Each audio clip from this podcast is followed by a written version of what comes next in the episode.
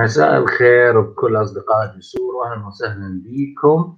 وحلقة جديدة مع الأخ سهيل وفكرة جديدة وإثبات جديد على بطلان واحدة من أهم مذاهب الدين الإسلامي لكشف الحقيقة وليس لتشويه أحد. أكذوبية مظلومية المذهب الشيعي. رحب بكم واهلا وسهلا وآسفين على الانقطاع بس كانت عندنا بعض المشاغل تفضل يا سهيل. شكرا أخي العزيز أحمد وشكرا لقناة جسور الرائعة. ملتقى المفكرين الأحرار. وأيضا شكرا للأستاذ طلال الراوندي مرة أخرى لأن عرفتني على هذه القناة الرائعة. اليوم قبل أن أبدأ أود فقط أن أحط ملاحظة بسيطة أنه في هذا هذا العنوان الذي وضعته للحلقة أنا لا أعني أنني سأدافع عن أي مذهب آخر. يعني عندما أقول أن هناك أكذوبة في ما يسمى بمنظومية المذهب الشيعي أنا هذا لا يعني أن المذهب السني صحيح أو أن المذهب الوهابي هو صحيح. يعني في رأيي كل هذه المذاهب آه، كل واحد من منها عنده أسطورة قصة يريد أن يستعملها للاستخدام السياسي. واليوم سنرى كيف أنه المذهب الذي يزعم أنه يدافع عن المظلومين ويدافع عن المحرومين والفقراء هو بالأحرى أداة للظلم وأداة للقمع آه، والإرهاب كما يحصل اليوم في العراق. وسيكون ستكون هذه الحلقة سندان ومطرقة آه، على رأس داعش الشيعي اليوم. يعني هناك داعش سني وهناك داعش آه، شيعي أيضا. فلنبدأ. يعني كيف تحولت أرض مغصوبة إلى رمز للحق في المذهب الشيعي؟ يعني أولا يتعجب كثيرون كيف يقوم متدينون بأعمال كثيرة لا أخلاقية كالتحرش مثلا زواج البالغين من أطفال.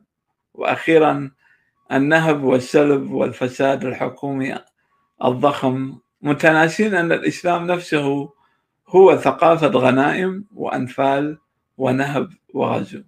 ونقدنا للمذهب الشيعي هنا اليوم لا يعني أن المجتمعات السنية أفضل بل ربما أحيانا هي أسوأ.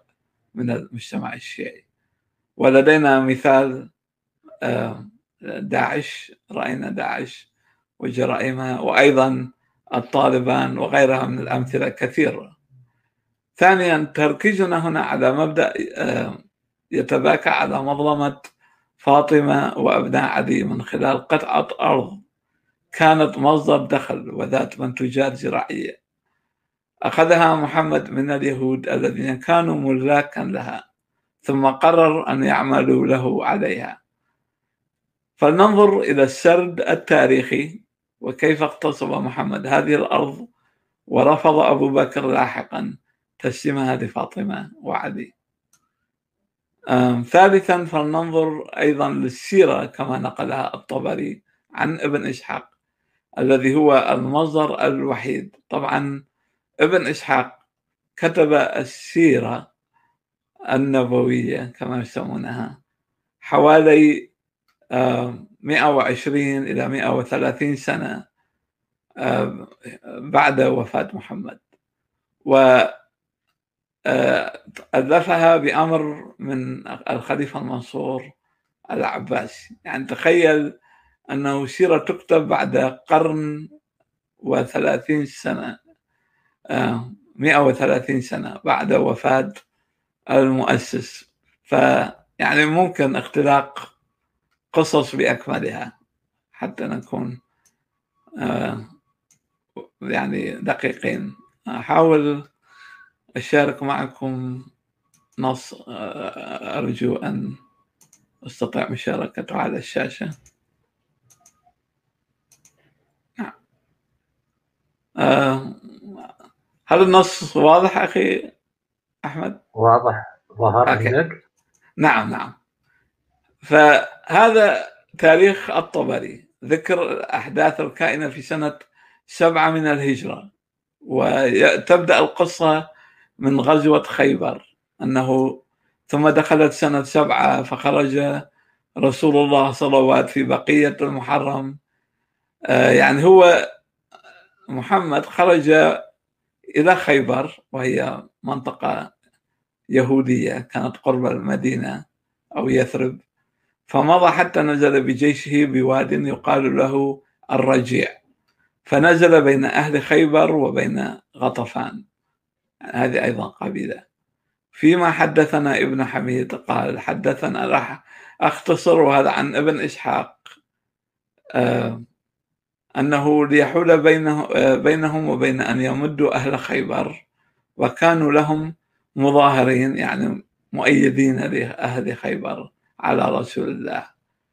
ثم يعني يقول قال فبلغني أن غطفان لما سمعت بمنزل رسول الله من خيبر جمعوا له ثم خرجوا ليظاهروا يهود عليه يعني يعينوا يهودا عليه حتى إذا ساروا منقلة أو مرحلة أعتقد هي نعم.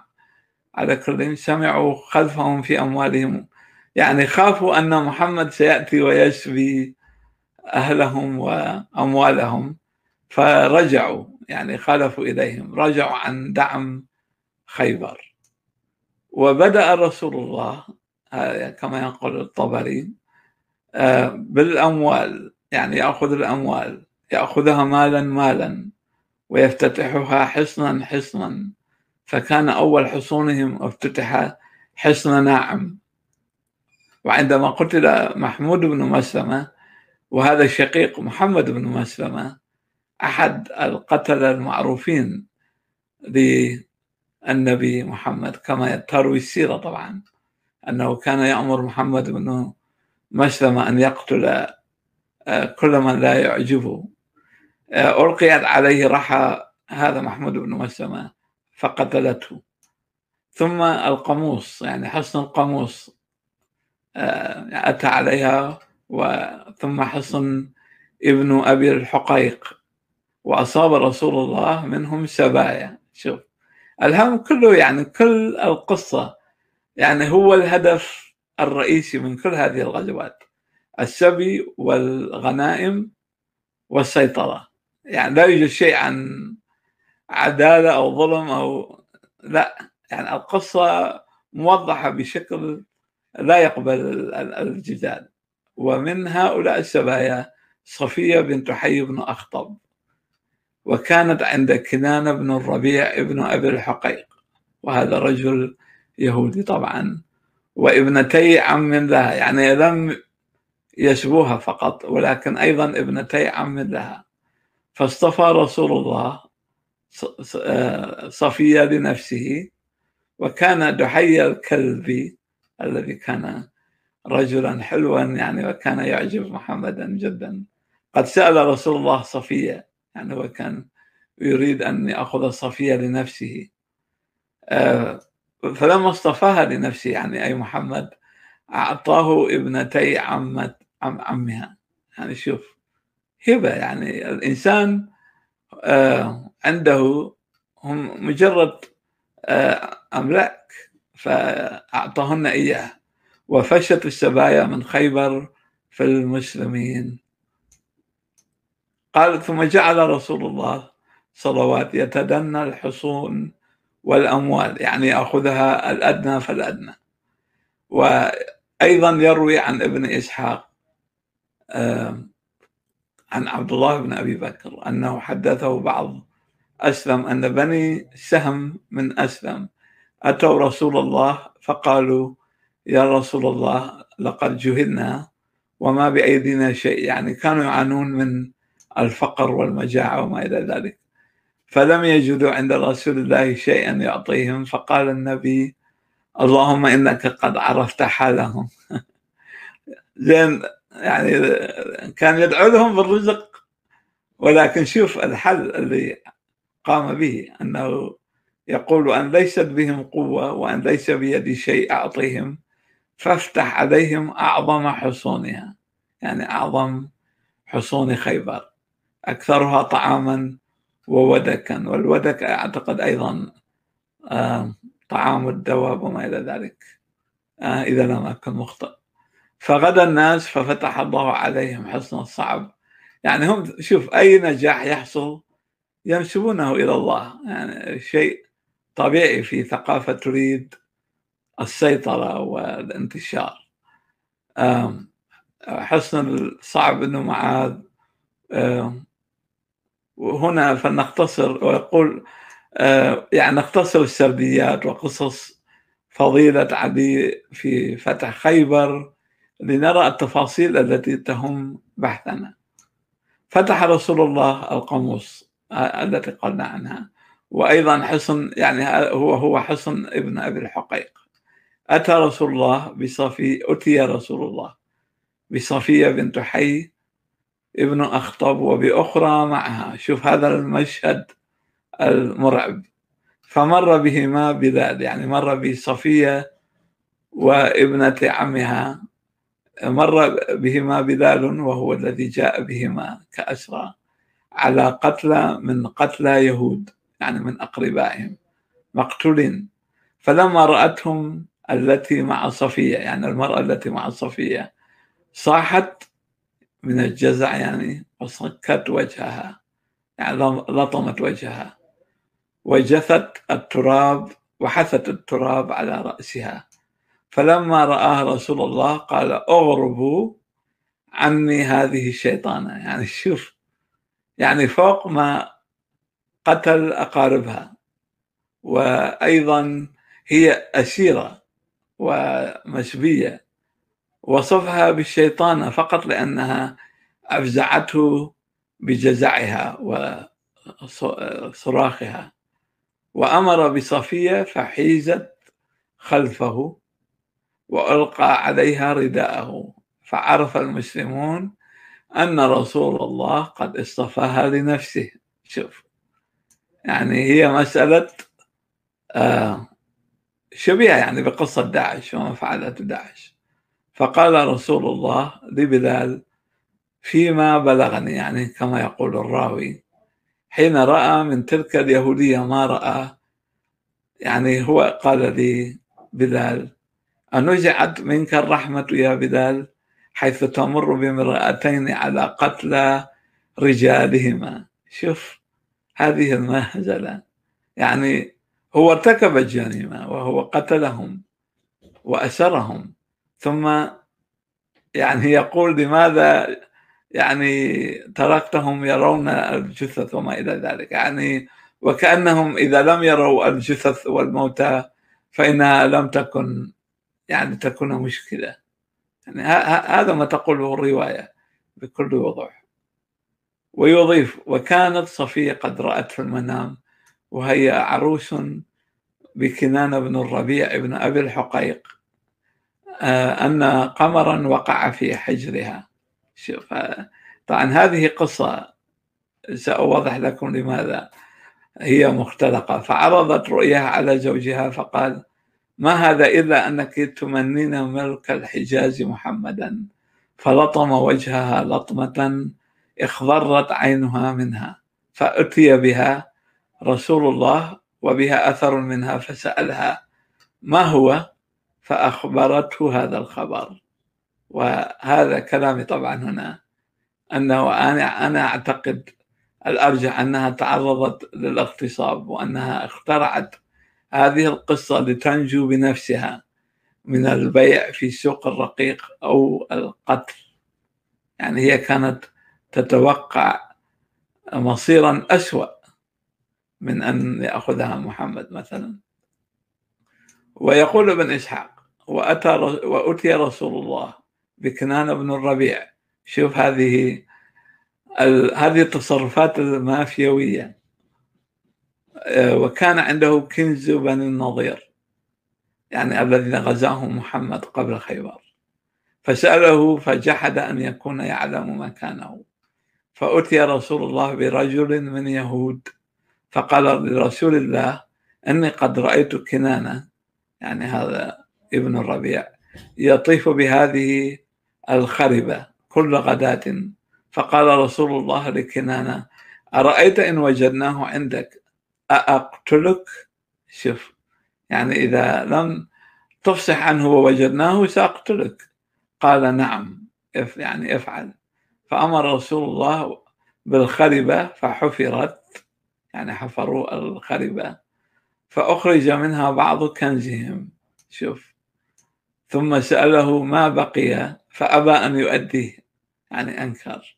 فأمر به رسول الله الزبير بن العوام فقال عذبه حتى تستأصل ما عنده. شوف يعني كما الأنظمة الإسلامية الحديثة يعني في كل الدول الإسلامية ترى آه، الأنظمة الدكتاتورية مثلا سواء ملك أو رئيس أو رئيس وزراء أو أي على كل أي شخص مستحوذ على السلطة ومستبد يفعل نفس هذه التصرفات. يعني هذا ليس بغريب أن نجده في الدول العربية والإسلامية. لأن هذه ها كل هذه الأجيال تربى على هذه الثقافة. شوف هذه قصص مقدسة. آه، ويكمل فيقول عذبه حتى تستأصل ما عنده. فكان الزبير يقدح بزنده بزنده في صدره يعني آه، يعني يضربه في صدره حتى أشرف على نفسه يعني حتى كاد أن يقتله.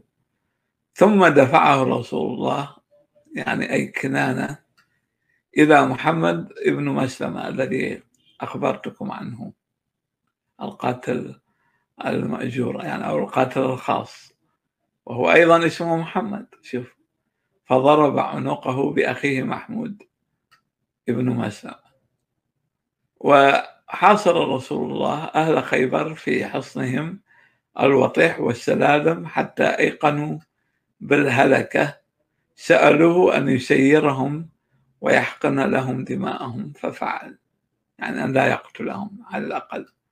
وكان رسول الله قد حاز الأموال كلها. شوف نهبها كلها. الشق والنطاطة والكتيبة. أعتقد هذه مناطق. أنا لست متأكد. وجميع حصونهم. نعم يعني وجميع حصونهم.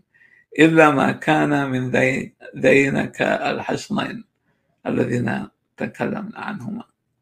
فلما سمع بهم أهل فدك وهذه الآن هي نقطة النقطة المهمة التي أريد أن نأتي عليها. فلما سمع بهم أهل فدك آه، قد صنعوا ما صنعوا.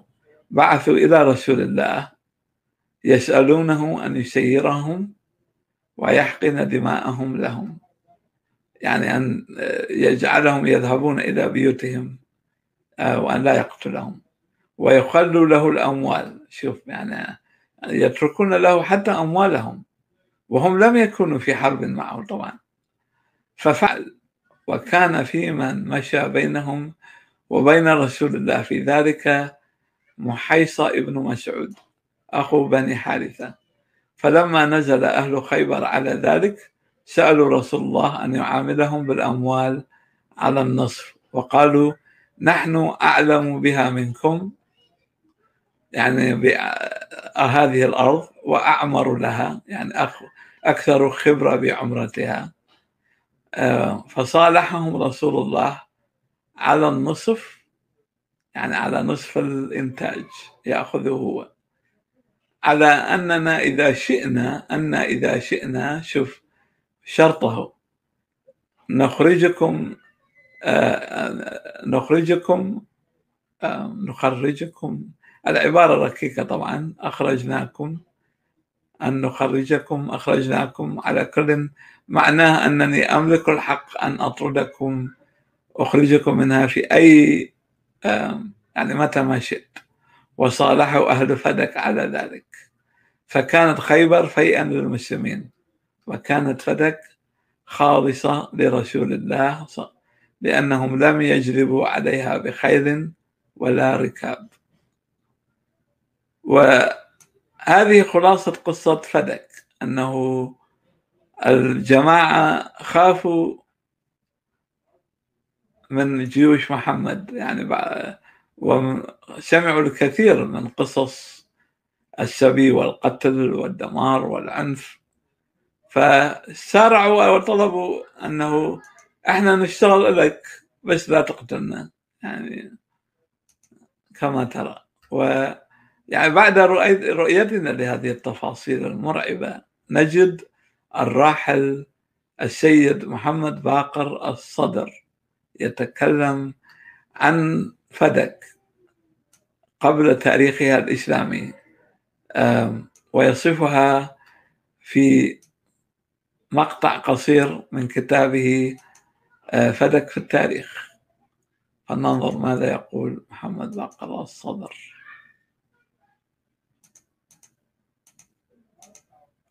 نعم يقول فدك قرية في الحجاز بينها وبين المدينة يومان وقيل ثلاثة وهي أرض يهودية في مطلع تاريخها المأثور وكان يسكنها طائفة من اليهود ولم يزالوا على ذلك حتى السنة السابعة يعني للهجرة حيث قذف الله بالرعب في قلوب أهلها فصالحوا رسول الله صلوات على النصف من فدك وروي أنه صالحهم عليها كلها.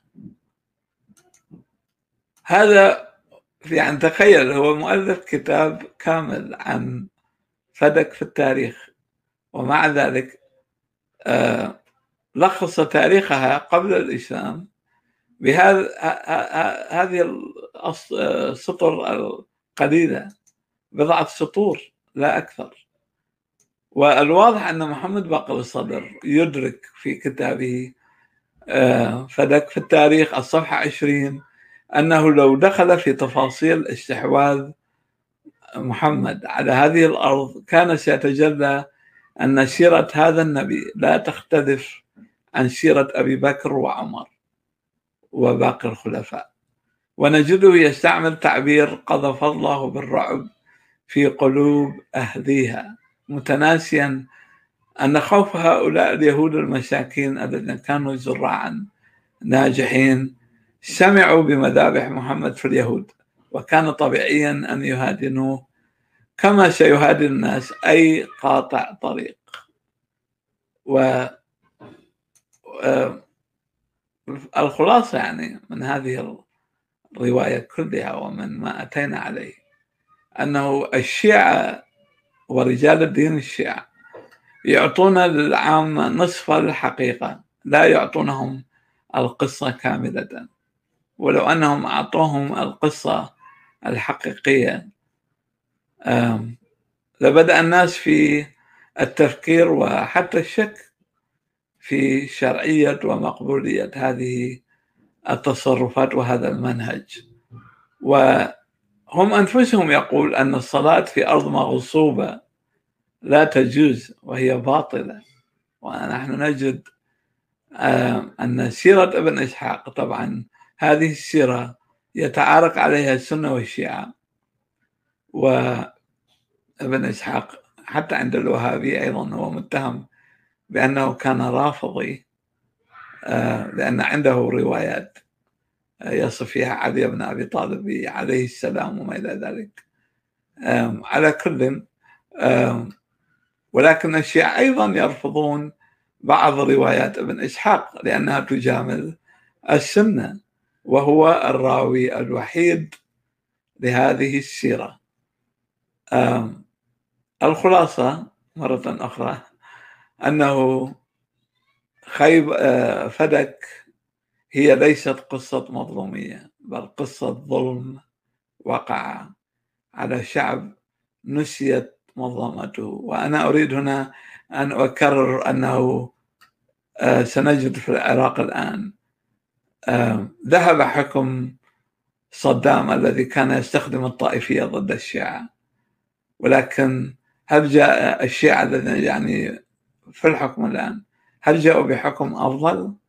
لا زال الشيعة قبل غير الشيعة في العراق يقتلون ويغتالون لمجرد الكلمة ولأنهم يقولون الحق مثلا أو يطالبون بحقوقهم أو مثلا قتل النساء أو على كل يعني الحكم هو كما هو يعني كما كان على طريقة صدام حسين. فإذا قصة المنظومية هذه آه، كذبة وأنا أرحب بالنقاش وأكون سعيد جدا ب حتى المعترضين.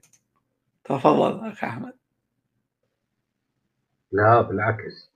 بس أكو بعض عفوا. أكو بعض النقاط. آه، صوتي واضح؟ نعم. آه، النقطة اللي دائما المسلمين يتفاخرون بها بأن الإسلام أنهى آه، العبيد والجواري. صفية وبنات عمها. شنو كان حكمهم بالنسبة لهذه الحالة؟ نعم. أسيرات أخذوهم غصبا ما عليهم. الترهيب اللي مارسوه المسلمين في هذه الحرب ضدهم لما خلوهم يشوفون جثث أهلهم. نعم. هذا مو ترهيب زين. فعلا. وضد ضد ضد أسرى. يعني هم يتشدقون بالأسرى وال وحقوق الأسير ولا تقطعوا شجرة ولا نعم. تقتلوا رجلا عجوزا ولا امرأة ولا طفلا. نعم. في روايات السنة على أساس محمد أخبر أصحابه بأنه كل من نبت له شعر العام من يهود خيبر اقتلوه نعم. زين بهذه الحالة يعني اللي عمره 13 و 14 سنة صح. من العمر راح يقتل. بس هذا فعليا غير واعي. يعني مو يعني لم يبلغ لم يبلغ يعني هو. حتى مو يهودي يعني. لا يهودي ولا مسلم ولا أي شيء. إضافة لهذه نعم. آه آه أنت ذكرتها وأنا يعني أشدد عليها. إيه. تعامل العصابات وقطاع الطرق.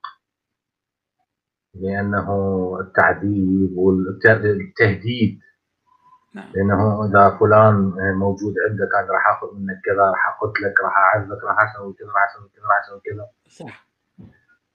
النقطة الأخيرة واللي دائما أختلف فيها ويا الجميع. صدام حسين دكتاتور. ما كان يفرق بين شيعي وبين سني. كان يستخدم أي شيء يخليه أطول وقت موجود على الكرسي. هو لا كان لا يفضل السني ولا شيعي. وكنا عشنا هذا الزمان ونعرفه لأن هو أنت لا تقيس هذه بوقت وقت صدام كان مجلس قيادة الثورة ثلاث أرباع الأعضاء اللي فيه شيعة. النصوص شيعية. بس ولاهم لصدام حسين. ولاهم مو لطائفتهم. إيه طبعا ولا الولاء. قبل ال... يعني قبل الانتماء كان عند صدام فعلا. فهو صدام ما كان لا ويا السنة ولا ويا الشيعه هو كان ويا نفسه. واللي بقي بالنسبة للوضع الحالي بالعراق هم اللي موجود يعني هم هم هذول يقدمون الإسلام. إذا كانوا إن كانوا شيعة وإن كانوا سنة. يعني أنا أتحدى أي إنسان مثلا سني أو شيعي خلينا نقول سني مثلا لأنه يقول أنا اختاريت هذا الشخص يمثلني بالبرلمان أو بالحكومة. اللي مثلا هم اللي جماعة المكون السني واللي يسوون قوائم ويروحون يضحكون على على الناس ويطلبون من عندهم تعالوا انتخبونه نفس الشيء الشيعة. الشيعة اللي يتذكرون الانتخابات الأولية باسم المرجعية باسم الدين باسم المذهب الشيعي. هذه القائمه يدعمها السيد السيستاني اللي هو ما يعرف ينطق عربي. وكل إذا كمل له جملة بالعربي يسوي له احتفال من الشهر. فهم اللي يقدمون هذا الشيء. وهم اللي يسووه هسه كله حاليا. مساندتهم لإيران. قطعهم محاولة قطعهم العلاقات مع الدول العالمية صح. انتهاك حقوق الإنسان وغيرها وغيرها كله بسبب الدين والمذهب. مو بس بالعراق بالمناسبه سوريا إيه صح. المنطقة كلها. اليمن لبنان كلهم. إيه مصر.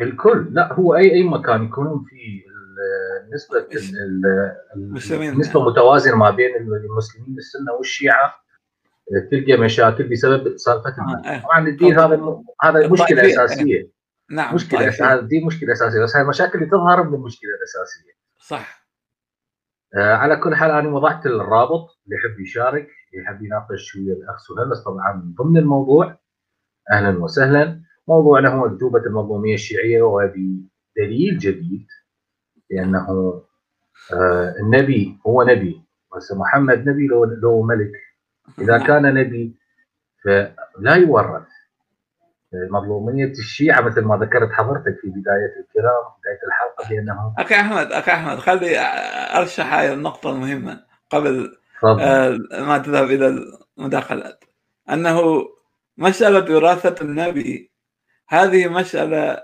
فيها جدل ثيولوجي يعني لاهوتي كبير بين السنة والشيعة آه، أنا لا أقف مع النظرة السنية ولا الشيعية في هذا الموضوع. يعني أنا لا أقول هنا أن في هذه الحلقة لا أجادل أنه آم، فدك هي كان يحق لفاطمه أن ترثها أو لا. لكن النقطة التي أريد أن أصل إليها انها هي أصلا كانت أرض مغصوبة. يعني آه، بغض النظر هل النبي يورث أو لا يورث. يعني ير- يرثه أبناؤه أم لا. ال- النقطة الرئيسية والمهمة والأهم أنه حتى محمد باقر الصدر تجاهل النقطة. قال أن الله أدخل الرعب في قلب أهلها. الله لم يدخل الرعب في قلب أهلها. محمد وجيوشه هم أرعبوا أهلها وبالتالي سلموا الأرض. إذا هذه هي نقطة ال- الجدال التي أود أن أدافع عنها. نعم تفضل. آه كلامك صحيح. بس لو جينا للنظره السنية مثلا للموضوع يقولون نعم. بأنه ال- النبي لا يورث ولأنه هو نبي وليس ملك. نعم فهذه مسألة مذهبية لهذا لا أريد أن صحيح. نعم. بس بالنسبة لل- لل- للنظره الشيعيه للموضوع صح فمحمد أو ضمن ال ضمن ال ال الإرث ال- قوانين المواريث الإسلامية. نعم. ففي أرض فدك زوجات محمد التسعة. نعم. يحق لهم أولاد صح. عمه. إيه. وبناته. بناته مو كانت بس فاطمة عنده أكثر من بنت. ما صح. آه، أربع بنات واحدة توفت ثلاثة. صح. فإذا هي مظلومية الشي- الشيعة وين؟ بالنسبة لهذا الموضوع يعني. صح. السنة اخذوها من القاصر لكن كان راح أفوت ب- آه، طويلة ما لها نهاية. ال- النبي ما يتورط. إيه. ف لا، أنا يعني أعرف. أخي أخي أحمد أنا أعتقد أنه أبو بكر كان سيقع في ورطة لو أنه أقر بحقها في الميراث. تعرف؟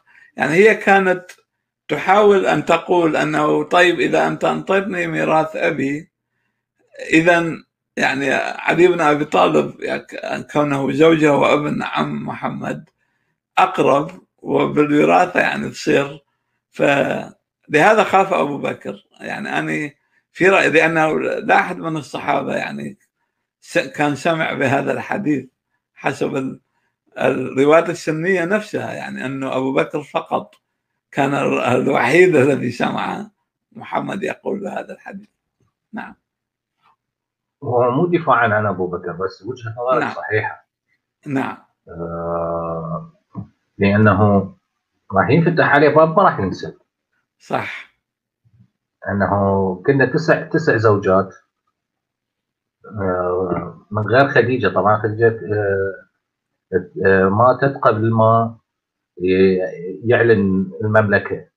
في يثرب نعم. نعم. قبل. قبل أن يصبح ملك. اي الزبير بن العوام نفسه اللي ذكر بالحديث اللي ذكرته حضرته. الزبير بن العوام نفسه هو ابن خالته صح. هو ابن خالة محمد. صح. فاذا أيضا له حصة بالورث ف وليش بس فاطمة من بناتها كلهم ليش بس فاطمة؟ صح. ليش؟ لأنه زوجها علي وعلي أيضا عنده أخوة. زين العباس عمه وعنده أولاد. صح. أخي خلي خلي حتى حتى لا يتوسع الموضوع. خلينا نركز على فدك. يعني خلي المداخلات. لا هو هي المداخلات. والنقاش حاليا على فدك. هي نعم. فدك الأرض اللي كانت من ضمن من ضمن نعم. مو- آه، ميراث محمد بعد ما ما مات نعم هذا هو لو- الهدف لو وزعت ضمن موا- المواريث اللي ذكره ذكرها هو بالقرآن اللي يقول هو اجى من السماء نعم. والذي يدعون بمظلوميته الشيعة نعم. ضمن المواريث الإسلامية ضمن القانون الإسلامي اللي وضعه محمد بنفسه وادعى بأنه اتي من السماء فإذا فاطمة ليس لها حق وحدها في هذا الميراث. أظن أن آه، كلامي صحيح لو غلط اذا اذا غلط لا صحيح يعني من لما تجي على موضوع الميراث نعم كلامك صحيح جدا. أنه رغم أنه العدالة هي مسألة نسبية صدقني أنه لا يوجد شيء اسمه عدالة. الإنسان هو الذي يضع المقاييس لكن بمقاييس الشريعة التي هي أيضا انسانيه يعني وضعها بشر آه، اولا وأخيرا. لكن هم يضفون القدسية عليها. آه، لهذا تجد هذا الاختلاف البشري يصبح مقدس وينتهي بالعنف. يعني تخيل آه، ابنة رجل مات قبل 1400 سنة لم تحصل على ميراثها. ونحن سنة والشيعة لا زلنا ندفع ثمن ذلك النزاع إلى اليوم.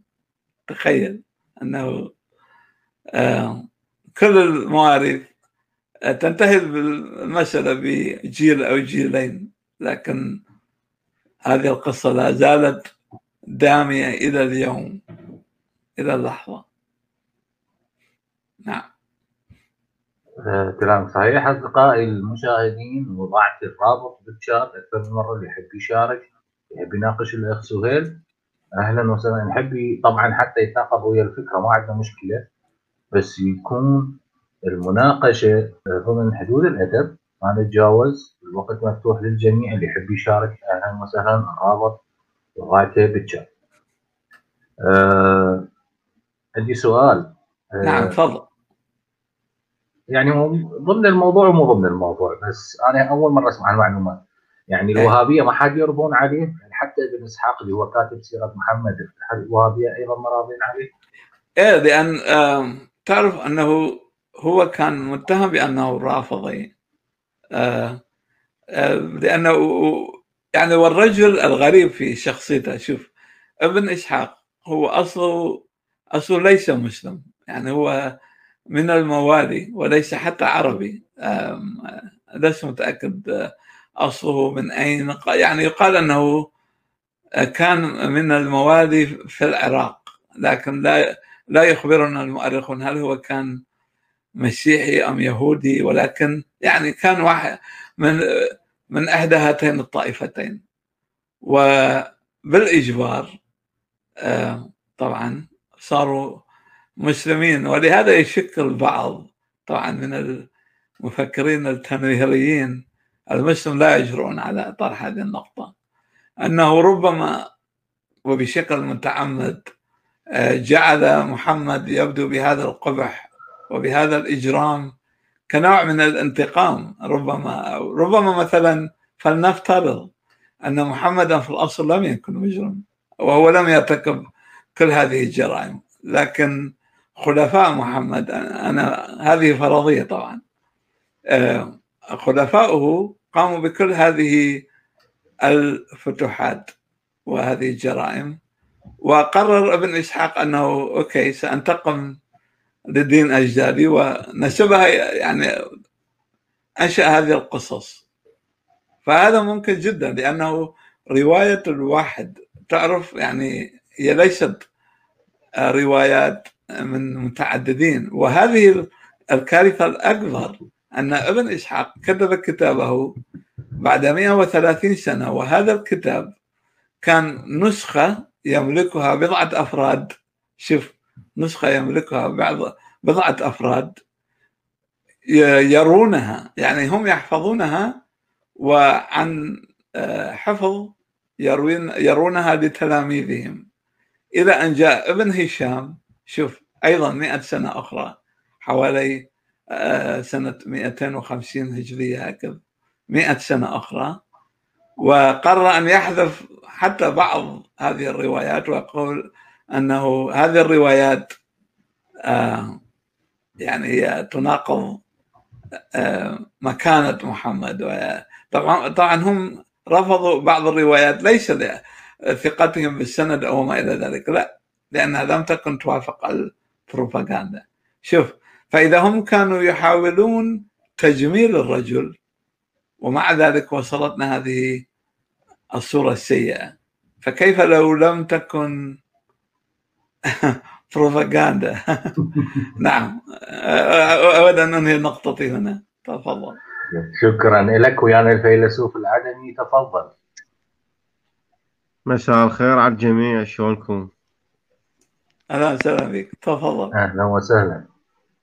يعني ما أدري أنا إيش تكلمتوا بالبداية لأن استوني فتحت النت شفت الموضوع شدني يعني. لأن أنا الشيعي يعني واعرف هاي السالفة. بس هو ذا تقرأ التاريخ يعني أغلب الاقليه نعم.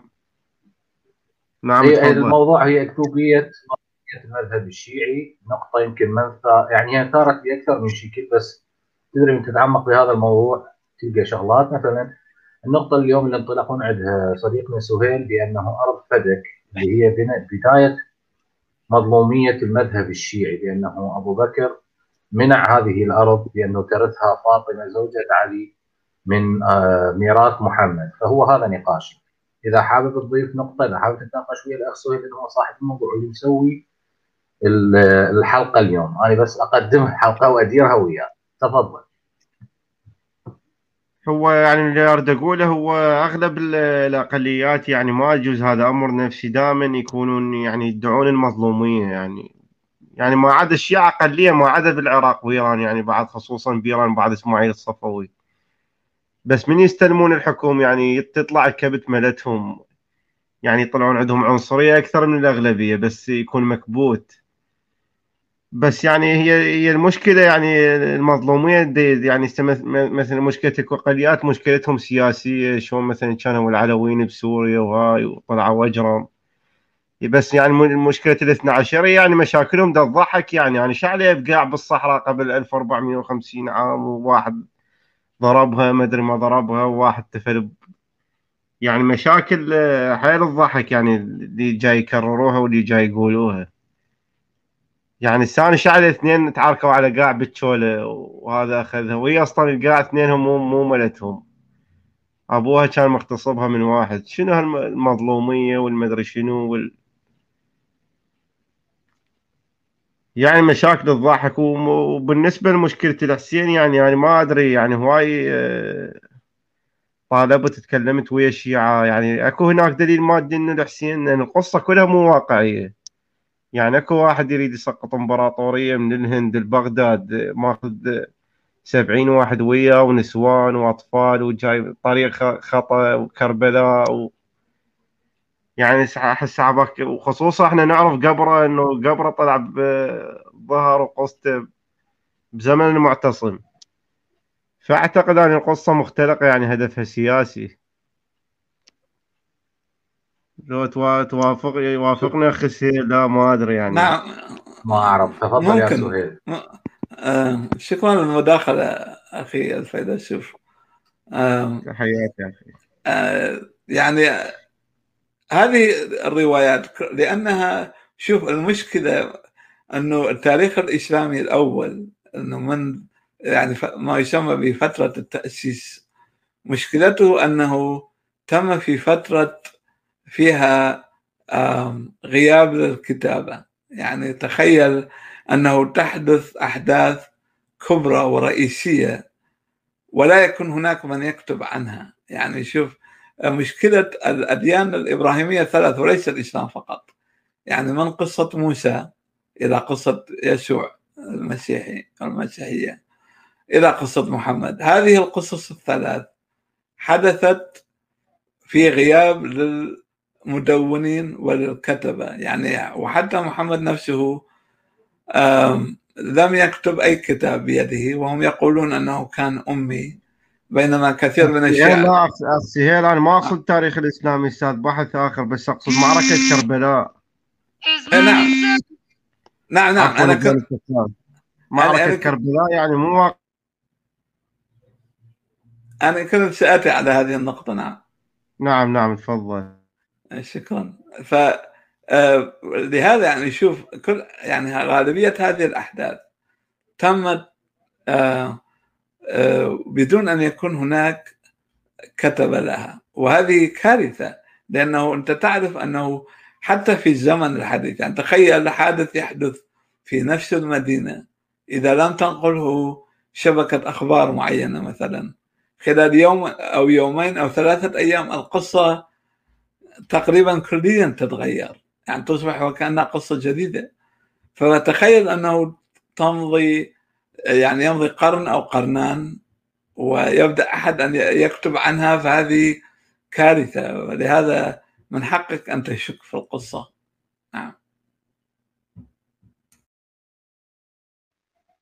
شكرا للفيلسوف العدمي مستمرين آه ويا سهيل. الرابط موجود اللي يحب يشارك اللي عنده سؤال سهيل اللي يحب يناقشه أهلا وسهلا.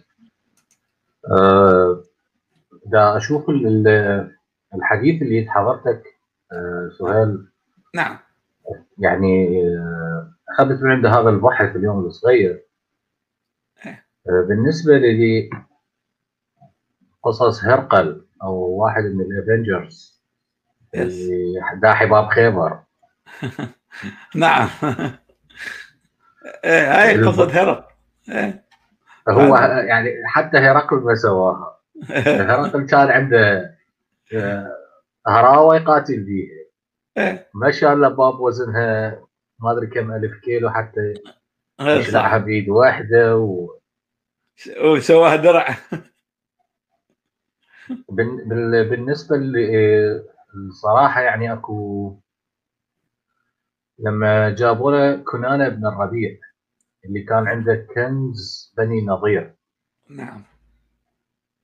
إذا فعلا يعني الموضوع يعني هو إحنا شئنا ما بين الموضوع راح يعني به أكثر من وجهة نظر أو راح نتطرق لمواضيع ثانية. بس إذا فعلا محمد هو خلي إيه خلينا نتفرع مو مشكلة. إذا محمد فعلا نبي.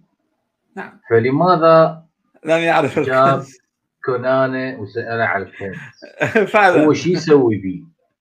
انت جاي مثل ما يقولون هذا هو رحمة للعالمين.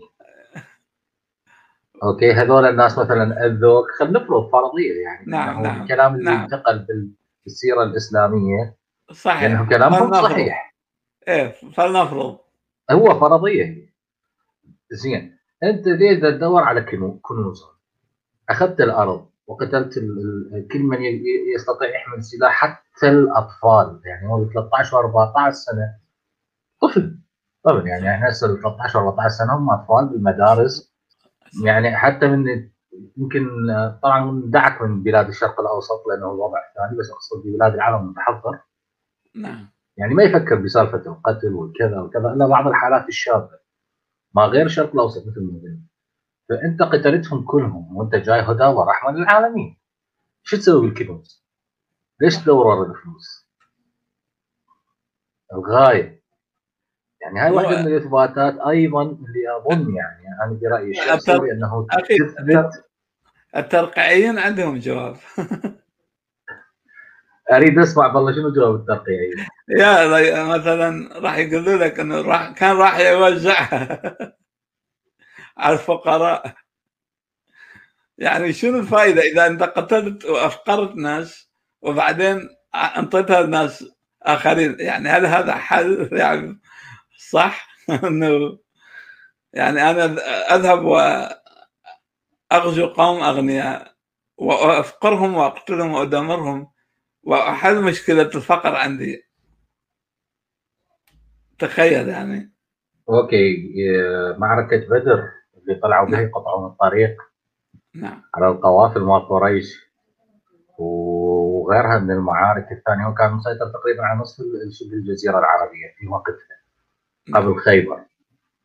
وهاي الاراضي هم كان اعتمادهم على التجارة وعلى آه، ال- الزراعة. نعم. فهو ما كان معتاز لأن هو هدى ورحمة للعالمين. ليش بزمنه كان أكو فقر؟ إيه. ويانا صديقنا أيضا وسام. تفضل يا وسام سامعني. آه، إذا إذا جاي تسمعني فانطيني لحظة بس أريد أسد الصوت عندي صدى بالصوت آه، واضح جدا.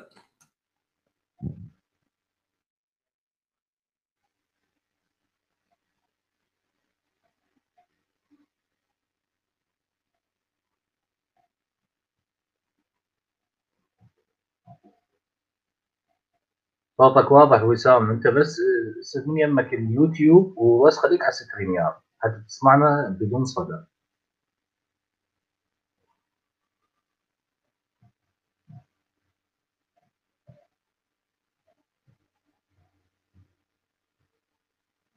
هسه الصوت واضح أعتقد؟ واضح جدا تفضل. واضح واضح تفضل. أه، تحياتي لجميع الموجودين بالتأكيد والأخ سهيل والأخ أحمد وأليكس. و... وفعلا تستحقون إنه أه، شكر كبير كبير جدا على المجهود اللي تقدموه إخواني الأعزاء. حقيقة أنا كنت متردد إنه هل أتداخل؟ ما عندي شيء مختلف معك يا أخ سهيل على الإطلاق نهائيا. كلام من ذهب وفعلا أي إنسان يملك ذره عقل آه راح يفكر ببعض الأسئلة اللي طرحت ومن خلالها من خلال آه الموجودين أيضا. لافندر طرح نقطة جدا مهمة أخ سهيل ممكن تعلق عليها أو إذا أحببت طبعا. تفضل أكيد. ما بين آه، زواج محمد من خديجة وولادة فاطمة. ولادة فاطمة. سهيل ركز. والفترة اللي توفت آه، فاطمة من بعد وفاة محمد. كان عمرها 63 على حسب المراجع الإسلامية. وهي كان عمرها 18 سنة. لاحظ. 18 نعم. سنة. ومحمد كان عمره 63 سنة. يعني أكو تشابك بالتواريخ بحيث آه، آه، مو منطقية على الإطلاق نهائيا. آه هذه نقطة والنقطة الثانية مسألة المظلومية اللي يدعي بها الشيعة. يعني حقيقة شغلة غريبة يعني أن الظالم يتشكى من ظلم الآخر له اللي هو أكثر من عنده قدرة على الظلم. ما أنت ظالم مثله يعني. يعني أعتقد أنه الشيعة على مر التاريخ الإسلامي قد ملكوا خلافة وشرع القوانين وسارت الأمور على ما هم يفكرون به على المذهب الشيعي.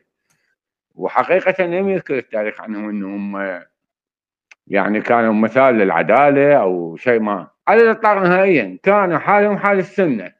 اللي من ملكه هم يعني قتل وذبح وتسلط وجبروت ودكتاتورية ومن هالمسائل كلها عاد. يعني أعتقد نقطة جدا بسيطة الإنسان يفكر بها إذا كان المرجع آسف. أي في بعض الأحيان أنا ألزم لساني على مود لا أتفوه بكلمات إذا كان المرجع لإثنان مختلفان نفس الزبالة. يعني الاختلاف مالتهم بالتأكيد راح يكون على الزبالة نفسها يعني. ما هو الزبالة؟ هاي الزبالة اللي جاءت من الأساس من التشريع أو من الوحي اللي ادعى به أحدهم يعني. آه، أعتقد ما عندي شيء بعد. تحياتي سهيل. استمر عزيزي أنت وتحياتي للجميع الموجودين بالقناة وشكرا جزيلا لهذه الفرصة الثمينة. bye. bye bye تحيه لك يا وسام وشكرا على المشاركة. إذا عندك تعقيب آه، تفضل يا سهيل. آه شكرا. يعني فعلا يعني هذه آه، كما طرح الأخ وسام أنه آه، هناك طبعا آه، وثائقي رائع على اليوتيوب اسمه المدينة المقدسة Sacred City by Dan Gibson أنا احاول حاولت أن أترجم هذه هذا الوثائقي لكن للأسف ال ال النص أو السكريبت المتوفر به كثير من العيوب ولهذا يعني ما أعرف آه، راح أحاول أحصل سكريبت أدق حتى أقدر اترجمه للعربيه خلاصة هذا الوثائقي دان جيبسون يجادل أنه تاريخ الإسلام الموجود الآن هو في غالبه مختلق. يعني وهو يجادل أن الإسلام أصلا بدأ في البتراء وليس في مكة. يعني المدينة المقدسة الأصلية ليست مكة وأن مكة أصبحت مقدسة بعد نشوب نزاع أو حرب أهلية آه، بين أتباع محمد في البتراء. وبالتالي يعني بني أمية وجماعة الزبير وجماعة علي بن أبي طالب هذا والعباسيين أيضا هذه الأقسام الأربعة تقاسموا هذا الصراع. وأنه الحجر الأسود انتقل آه، في فترة هذا هذه الحرب الأهلية إلى مكة. وبالتالي صار صراع بين أن يصلوا إلى مكة أو يصلوا إلى البتراء. ولكن بمرور الزمن البتراء نسيت وحل محلها البيت بيت المقدس الذي قدسه اليهود.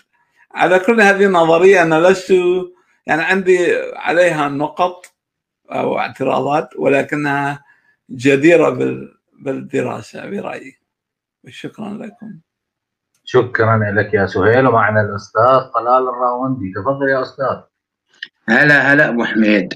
long time no see يا أحمد. بدنا نطمن عليك ونشوفك. uh, أمورك أتأمل كلها بخير وبسلامة. ماشي الحال يا أستاذنا. البيت للشغل وشوية مشاكل تطلع دائما. يعطيك يعطيك مثل ما بنقول يعطيك ألف عافية. أخي سهيل منور وتشكر على المعلومات القيمة. وطبعا يعني وفيت وكفيت. آه معظم آه مداخلة بسيطة ورأيك في الموضوع. تفضل. معظم آه المتدينين سواء من السنة أو الشيعة ما بعتقد عندهم آه، تأكيد بأنه أكبر حرب طائفية شهدها العالم هي حرب السنة والشيعه على اعتقادي 1330 يعني أنا بعرف حروب مدنية أو حروب طائفية دامت 300 400 500 600 700 سنة بس هي أكبر حرب. لحد الآن ما اجتمعت بشخص ممكن يقول لي إنه أنا عندي فكرة أو اليه أقدر صالح بين آه، الطائفتين. يعني التاريخ يسيس النصوص تسيس إقحام الأمور كما شئت آه، وكما شاء الأسياد بيجهزوها وبيزبطوها وكما تفضلت القصص لا تنتهي وعند الطرفين من القصص أكثر من ألف ليلة وليلة. السؤال آه، أنا أعتقد لن يتم أي صلح أو آه، حل هذه المشكلة إلا ما يكون من أشخاص كليا لا دينيين لأنه الديني خصم الديني دائما هو خصم ديني. مهما مهما يعني لو الشيعة حلوا الموضوع وخلينا نقول إنه آه، قدروا يتغلبوا على السنة أو السنة تغلبوا لابد ما ينشأ خصم آخر وخصم آخر. وتم الافات السنين وتيتي تيتي لا رحتي ولا جيتي. فهل تعتقد إن هناك آلية نستطيع فيها؟ يعني آه، آه، منفهم خلي الناس تدرك في حل هذا الأمر كانساني أكثر ما يكون طائفي وديني؟ هذا السؤال اللي بدي أوجهه لأنه إلى الآن ما وجدت انا هناك شخص عبقري اللي أنا والله أستطيع أن أترك التاريخ اللي كله مسيس ومعظمه كذب وتدليس وأنطلق من كوني إنساني. أنا ما كنت وقت الحسين ووقت فاطمة ووقت حسن ولم أكن وقت أبو بكر ولا له علاقة فيهم من قريب من قريب بس أنا بدي أعيش من الآن بدي أبدأ من الآن بدي أبدأ حياتي. فبدي رأيك في هذا الموضوع. تفضل. شكرا على مداخلتك الرائعه حتى أكون صريح معك أنه اولا لا يوجد حد سحري يعني حتى لو يجي أكبر العباقرة يعني حتى لو ألبرت أينشتاين يرجع من بين الأموات ويعرف عربي ويبحث في المسألة. ستكون صعبة أو شبه. ما أريد أقول مستحيلة لكن نعم كلامك صحيح أنه طالما كان العقل متدين التدين في طبيعته متحيز. يعني الدين هو تحيز هو اعتقاد فإذا أنا كنت مؤمن بدين أجدادي والعجيب أنه كل إنسان مؤمن آه، يكتشف أن الله أو الإله هو مع أجداده. يعني كان دائما مع أجداده أو على الأقل هو معه وسيكون مع أحفاده. يعني فلنقل لأن هذا صار بالتاريخ كما يخبرنا المسلمون. لكن يا ريت لو المسلمين كانوا أخذوا مثلا قصة السندباد.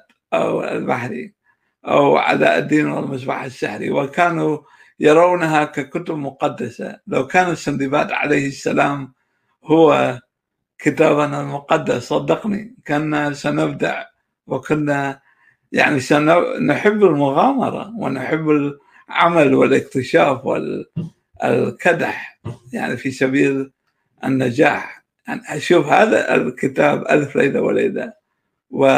ومصنفات إخوان الصفا الذين ظهروا في القرن الثاني والثالث وكانوا من الباطنيين. طبعا الباطنيين وبعض المعتزلة عندي نوع من الإعجاب بهم لأنهم صحيح كانوا يستخدمون النص المقدس لكن كانوا يسخرونه في جوانب فلسفية يعني لا يتركونه للدين. هم يأخذون مثلا آية معينة ويسخروها للفلسفة ويؤسسون فلسفة عليها ولهذا تم اضطهادهم وتدميرهم لاحقا.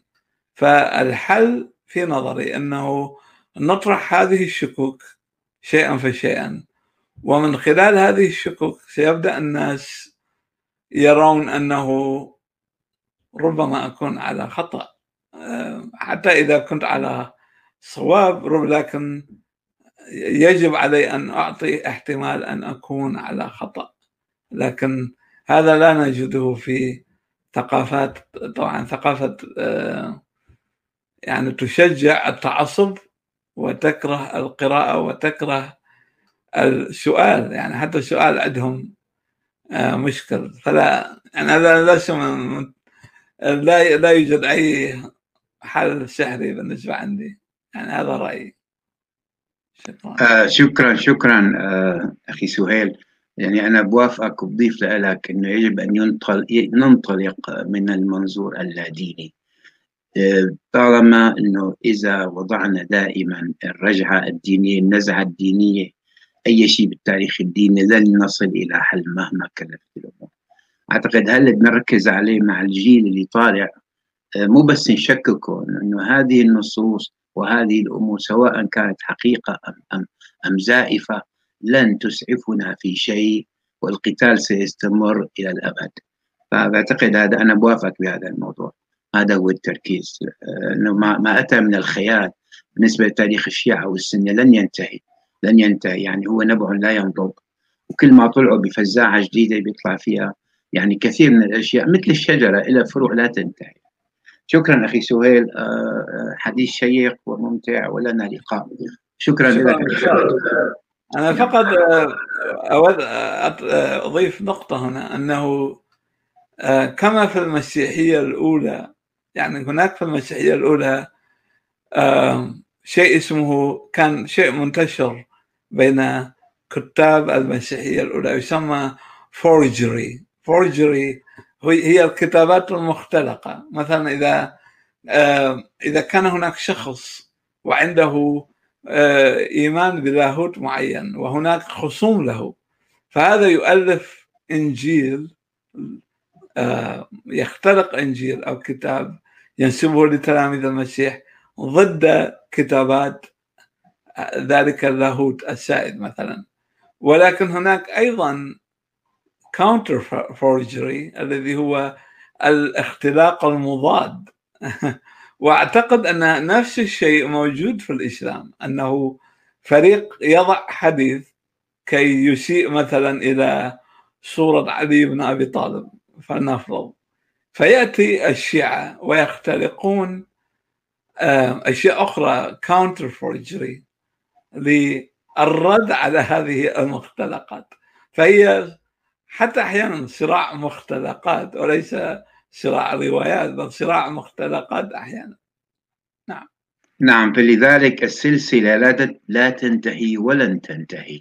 يعني المنطلق لازم تماما نبدأ فيه ونحاول ما أمكن أن يكون خارج الإطار الديني كليا. يعني إذا لم نفعل هذا فلن نصل إلى حل ولا بآلاف السنين. يعني أنا أنا أنا بضيف إلى هذه المنظومة أو بضيف لكن أستاذ الا نعم. تعتقد أنه لا زلنا نستطيع دراسة هذه النصوص من وجهة نظر علمية بحتة صح؟ إذا نظرت لها من نظره وهذا اللي عم نساوي نحن نعريها تعرية كاملة بأنه لا العلم ولا المنطق بيوافق عليها إذا استطعنا أن نأخذ تأييد آه، خلينا نقول الناس العقلانيين على هذا الأمر. ما عاد موضوع الشك موضوع رح المرجعية تبعهم آه، تبقى واهية. ورح هن بحد ذاتهم يشعروا بأنه كل ما يلقنون به إما مسيس أو هدفه رح يكون هدف آه، عنف هدف شريري هدف أذى هدف كذا. بالضبط يعني دراسة النصوص وكل ما أتى من النصوص تعريتها شيء مهم جدا. ولا تعرى لأنه نحن ما عندنا أي وثيقة موجودة نستطيع أن نثبتها بأنها وثيقة إلى مصداقية أو إلى أساس أو إلى أصل يعني مثل ما يمكن تحدثنا آه، من فترة أقدم مخطوطة يمكن تحصلها 100 200 300 400 سنة وبعد ذلك حدث ولا حرج نعم. فماشي الحال هذه النصوص الموجودة نقرأها آه، نفهمها نحاور بها نعريها. النتيجة في الموضوع آه، حينما نصل إلى النتيجة كلا الطرفين يردها. والله أنا كل شيء قالوا لي أو كثير مما قالوا لي لابد ما له غرض غير الحقيقة. إذا تسييس إذا اتجاه إذا استغلال إذا استعباد. إذا وصلنا لهالشيء بالأخير لحاله الأمور بتصفي حالة مثل ما تصفي بحالة. بس لابد المنطلق يكون غير ديني. تعرية النصوص آه، آه، طبعا نحن نتفهم النصوص ومنحاور النصوص ومنحاول ما أمكن نعري هذه النصوص آه، وفي دلائل ما في شك نؤمن بهذه النصوص.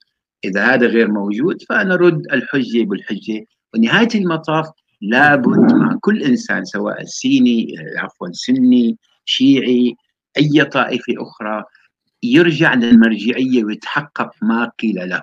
ما ما ما ما, ما لقن به ما لديه من أمور. هذا هذا بعتقد بداية الحل للأمر. اعتقادي. تفضل. أتفق شكرا أخي سهيل. آه، لنا لقاء قريب آه، أتأمل. أخي أحمد تحياتي الخاصة لك كمان تحياتنا لك أكيد يا أستاذ طلال العوندي انت استاذنا دائما تنورنا واهلا وسهلا بك في أي وقت. كلمة ختامية يا سهيل تفضل. أنا فقط في الختام أود أن أؤكد على نقطة مهمة أنه ثقافتنا الإسلامية تحتاج إلى تبني العقل. يعني في تاريخ الإسلام إذا راجعنا نجد أنه المدرسة الوحيدة أو تكاد تكون الوحيدة التي تبنت العقل ونظرت إلى النصوص كموضوع تاريخي. يعني القرآن نفسه كان عندهم تاريخ شيء حدث في الزمن. كان آه، المعتزلة المعتزلة لهذا قالوا أن القرآن مخلوق لأن النص عندهم يحدث في زمن في بيئة في تأثير ومؤثر وبالتالي آه، عندما نفعل هذا نعم سوف نتجاوز الخلافات. أما إذا استخدمنا هذه القصص المظلومية وما إلى ذلك يعني أنت تجد في العراق الآن آه، نفس قصة الحسين الآن تستخدم لقتل الحسين الحقيقي الذي يعيش الآن على الأرض العراقية. المواطن العراقي الذي اسمه حسن وحسين ومحمد وبولس وأي اسم آخر آه، أي إنسان يعني يقتل بنفس تبرير قصة المظلومية هذه. فالدين هو هكذا يعني هو يبدأ آه، كمدافع عن الفقير وينتهي بقتل الفقير وظلمه. وشكرا للقناة وللمشاهدين الأعزاء وشكرا لك أخي أحمد. لا بالعكس.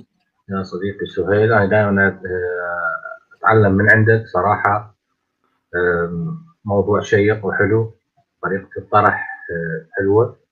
تحياتنا لكل الأصدقاء اللي شاركوا تحياتنا لكل الأصدقاء اللي موجودين بالشات شكرا على تواجدكم.